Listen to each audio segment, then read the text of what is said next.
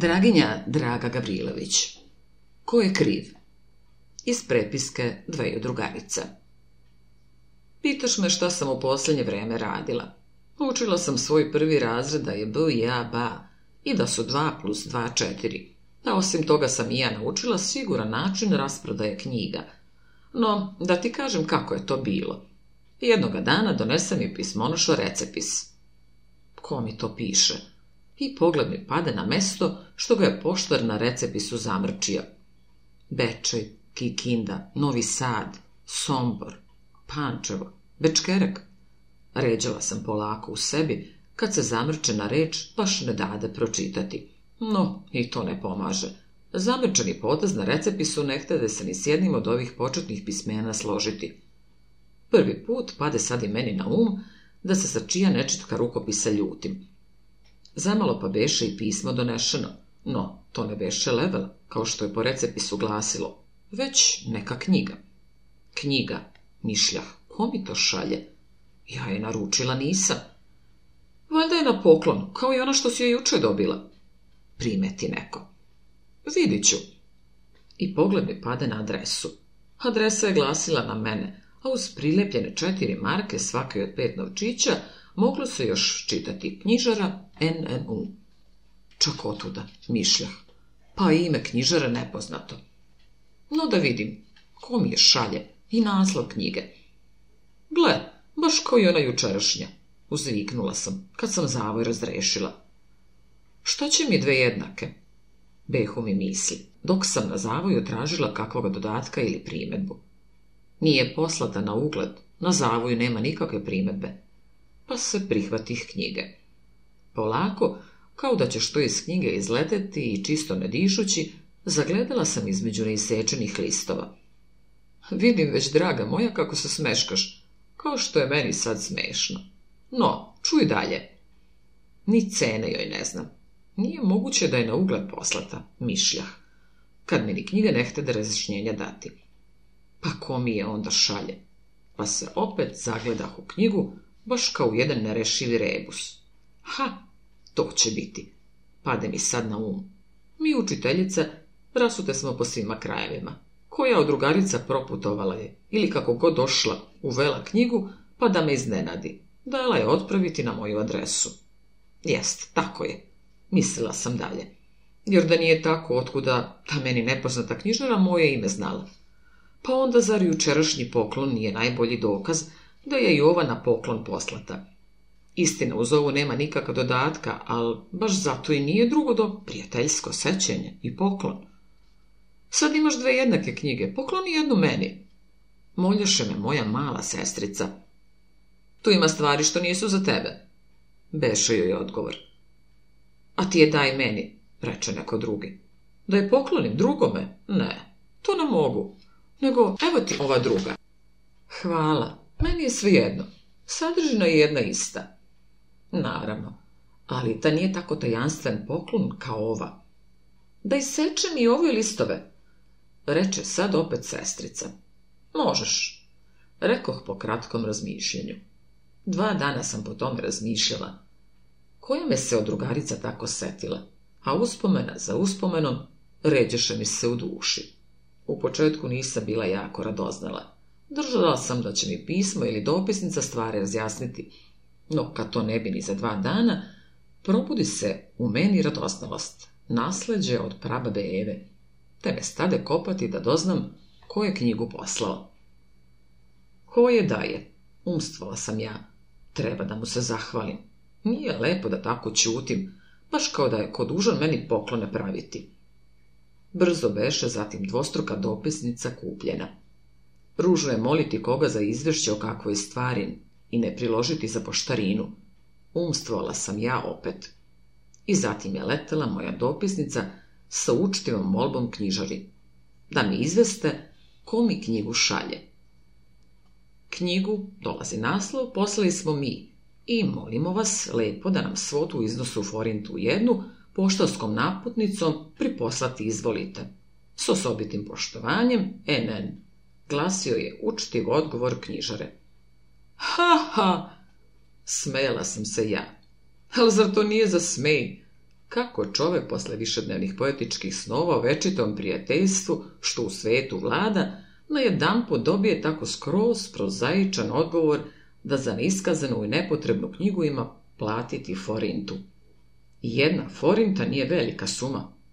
Pomišljaš možda ti, baš kao što svako misli ko novac na lak način zaslužuje ili koga i ne zaslužuje, već ga i bez zasluge prima. I zato što nisu svi ljudi čeda sreće, pa i meni na um posle onoga smeja, baš kao kiša posle sunca, da mi je plata tek tri godine forinata godišnje. I da sam već davno bezuspešno želila i da bez duga kupim i porete svoje plate sva dela nekolicine omiljenih mi pisaca, pa sada da jedan put okupim neiskazanu i nepotrebnu knjigu. I to vidiš, probudi u meni srđbu na sve tako uslužene knjigoprodavce, pa sedoh i na dopisnici odgovorim tek ovo. Jedna forinta nije baš ni za seosku učiteljicu velika svota, no ja se nisam svikla neiskazane stvari plaćati, pa neću ni vama. Inače, ako bi se srpske knjižare čivutski način prodaje usvojile, morale bi srpsko učiteljstvo umjesto hleba često nenaručene knjige jesti. Vi ste meni iskazanu knjigu bez ikakve primjedbe poslali. Ja sam po tome u pravu bila da pomišljam. E, je ona od neznane osobe na poklon, pa kako sam je i sa druge strane imala, vašu sam drugome poklonila. Nadajući se da mi u buduće nećete neiskazane stvari slati, Jesam s poštovanjem. N. Kako sam ovaj odgovor otpravila, razmišljala sam. Kako bi ti ljudi do svoga novca došli da ih ja nisam pitala ko mi knjigu šalje? Iskali bi posle nekoliko dana punim pravom dug, što im za knjigu duguješ. Bio mi je na to odgovor, a ti se ne bi mogla ni protiviti, jer da si knjigu primila, svedoči i recepis, što si ga potpisala, a posla na dopisnicama kojima se dug ište, naravno da ne bi pribeleženo bilo da ti tu knjigu naručila nisi. Hm, siguran način rasprde knjiga. Dođe mi zatim i nezvana misao, jer koliko će njih sa neznanja tih trgovačkih fifa i stida od duga i posljednju, možda teško stečenu krajcaru tim načinom izdati. Pa kad je već tako, bar da mogu i pisi na taj način svoj neštampan rad prodati – nego koliko je u svetu valjanih umnih radenika u jadu i sirotinji pomrlo, poklanjajući svoj rad ili dajući bud zašto. Posle onoga odgovora, naravno da oni meni također odgovoriše i to ovako.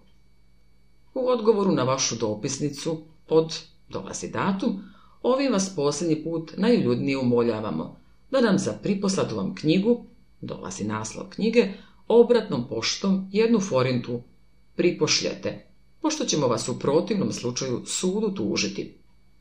Nadala sam se tome, mišlja. I stado dalje čitati.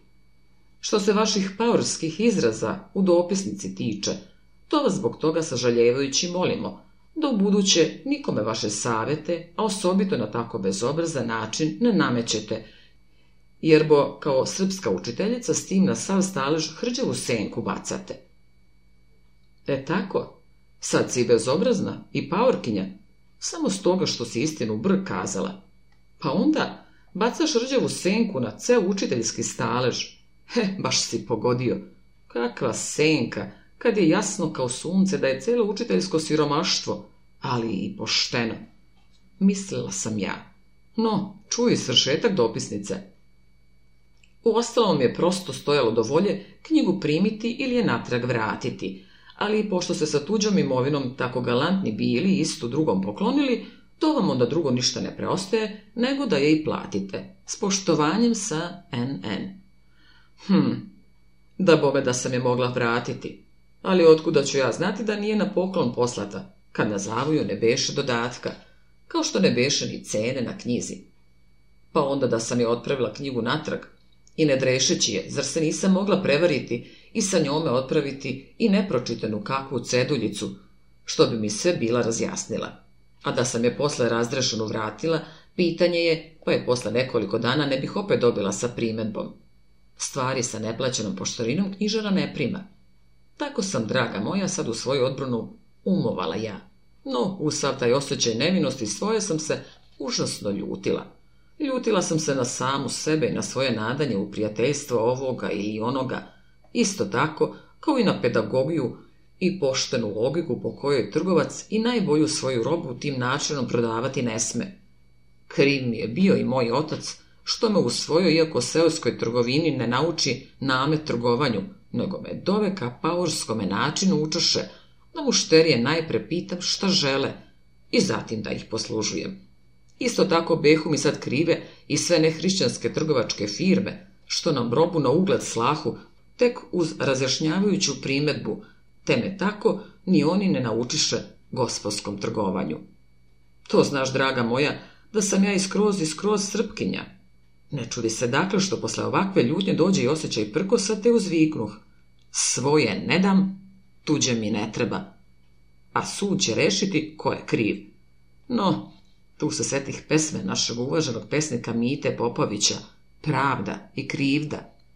I to učini da i nehotice uzdahnem i da svoju odluku napustim. O, pesniče, hvala ti na pesmi toj, no da li si možda i ti kao i druga čeda sreće iz tuđe patnje iskustva crpeo? Mislila sam zatim. Da i ja teram jedan put u životu mak na konac, poslala sam im umjesto novca opet knjigu. Samo što je to bila nova knjiga. Onu sam isekla. I to je naravno dosta da mi opet vrate. Osobito kako su ju se korice u lakom zavoju još putem pokvarile. Pa šta si se time koristila? Čujem da pitaš ti. Izdala sam koji novčić na nepotrebne mi knjige, potpomogla, po knjižarskom izrazu, kad knjige nude, književnost. Stekla naziv paurkinje i dala tebi štofa za razmišljanje i smej. Tvoja, ti već znaš ko. Čitala Dragica Babić.